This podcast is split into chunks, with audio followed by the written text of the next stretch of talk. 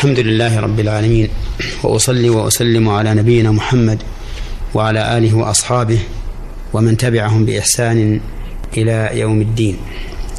أما بعد أيها المستمعون الكرام فهذه هي الحلقة التاسعة والخمسون من حلقات برنامج أحكام من القرآن الكريم. نتكلم فيها على قوله تعالى إن الذين آمنوا والذين هادوا والنصارى والصابئين من آمن بالله من آمن بالله واليوم الآخر وعمل صالحا فلهم أجرهم عند ربهم ولا خوف عليهم ولا هم يحزنون. في هذه الآية يقول الله عز وجل مبينا كمال عدله. وأنه لا يضيع عمل عامل عمل صالحا وآمن.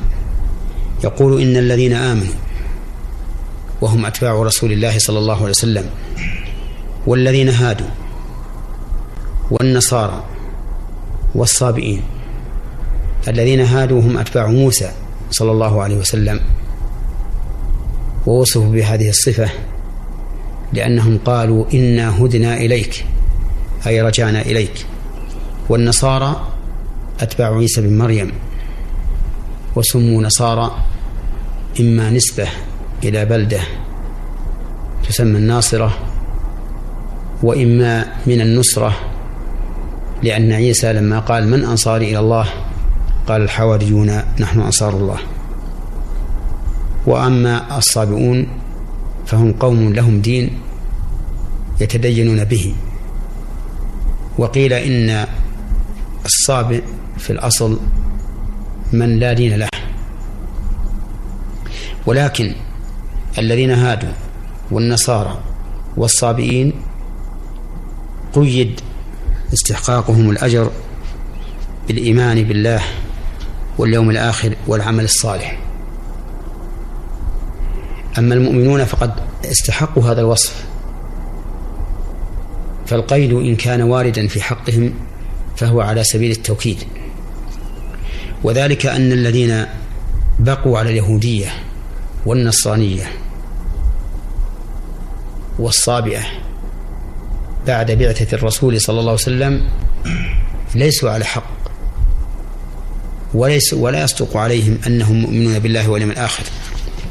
لأنه لو آمنوا بالله واليوم الآخر حقا لاتبعوا محمدا صلى الله عليه وسلم. الذي يجدونه مكتوبا عندهم في التوراة والإنجيل يأمرهم بالمعروف وينهاهم عن المنكر ويحل لهم الطيبات ويحرم عليهم الخبائث. الذي كانوا يعرفونه كما يعرفون أبنائهم والذي كانوا يستفتحون به على الذين كفروا فلما جاءهم ما عرفوا كفروا به. فهم عن اليهود والنصارى والصابئين بعد بعثة محمد صلى الله عليه وسلم لا يصدق عليهم أنهم يؤمنون بالله واليوم الآخر ويعملون صالحا إلا إذا اتبعوا محمدا صلى الله عليه وسلم. يقول الله عز وجل من آمن بالله واليوم الآخر الإيمان بالله يتضمن الإيمان بوجوده والإيمان بربوبيته والإيمان بألوهيته والإيمان بأسمائه وصفاته. فمن أنكر الله فليس بمؤمن. ومن لم يوحده بربوبيته فليس بمؤمن. ومن لم يوحده بألوهيته فليس بمؤمن. ومن لم يوحده بأسمائه وصفاته فيثبتها على ما جاءت في كتاب الله وسنة رسوله صلى الله عليه وسلم من غير تحريف ولا تعطيل ولا تكييف ولا تمثيل فليس بمؤمن. إذن الإيمان بالله يتضمن أربعة أشياء الإيمان بوجوده وبتوحيده في الربوبية وبتوحيده في الألوهية وبتوحيده في الأسماء والصفات. وأما قوله وعمل صالحا فالعمل الصالح هو الذي اجتمع فيه شرطان. الشرط الأول أن يكون خالصا لله لا يشوبه إشراك. والشرط الثاني أن يكون متبعا فيه رسول الله صلى الله عليه وسلم فلا يشوبه ابتداء.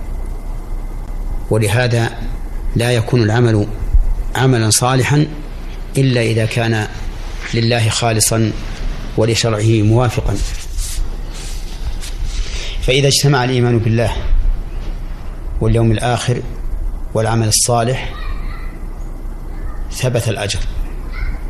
والإيمان باليوم الآخر يتضمن الإيمان بكل ما أخبر به النبي صلى الله عليه وسلم مما يكون بعد الموت. فيشمل الإيمان بما يكون في القبر. من سؤال الملكين الميت عن ربه ودينه ونبيه ومن عذاب القبر ونعيمه وكذلك ما يكون يوم القيامة من الجزاء ثوابا وعقابا. وتفاصيل ذلك مذكور في الكتاب والسنة. وأما الأجر فهو الثواب على هذا العمل المبني على الإيمان بالله واليوم الآخر وهو الحسنة بعشر أمثالها إلى سبعمائة ضعف إلى أضعاف كثيرة. ومن قام بهذين الوصفين الإيمان والعمل الصالح فإنه يأمن من كل خوف من مستقبل وحزن على ما مضى. في هذه الآية الكريمة فوائد. أولا بيان عدل الله عز وجل وأن من قام بالإيمان والعمل الصالح فإنه فإن له الأجر عند ربه سواء كان من المؤمنين الذين بعث فيهم رسول الله صلى الله عليه وسلم أم من اليهود والنصارى والصابئين. فاليهود مثلا حين كانت شريعتهم قائمة إذا اتصفوا بالإيمان والعمل الصالح كان لهم أجرهم كاملا موفرا وكذلك النصارى وكذلك الصابئون. أما إذا كان دينهم منسوخا فإن الواجب عليهم أن يتحولوا عنه إلى الدين الناسخ والملة الجديدة. ولهذا يعتبر اليهود كفارا بالنسبة للنصارى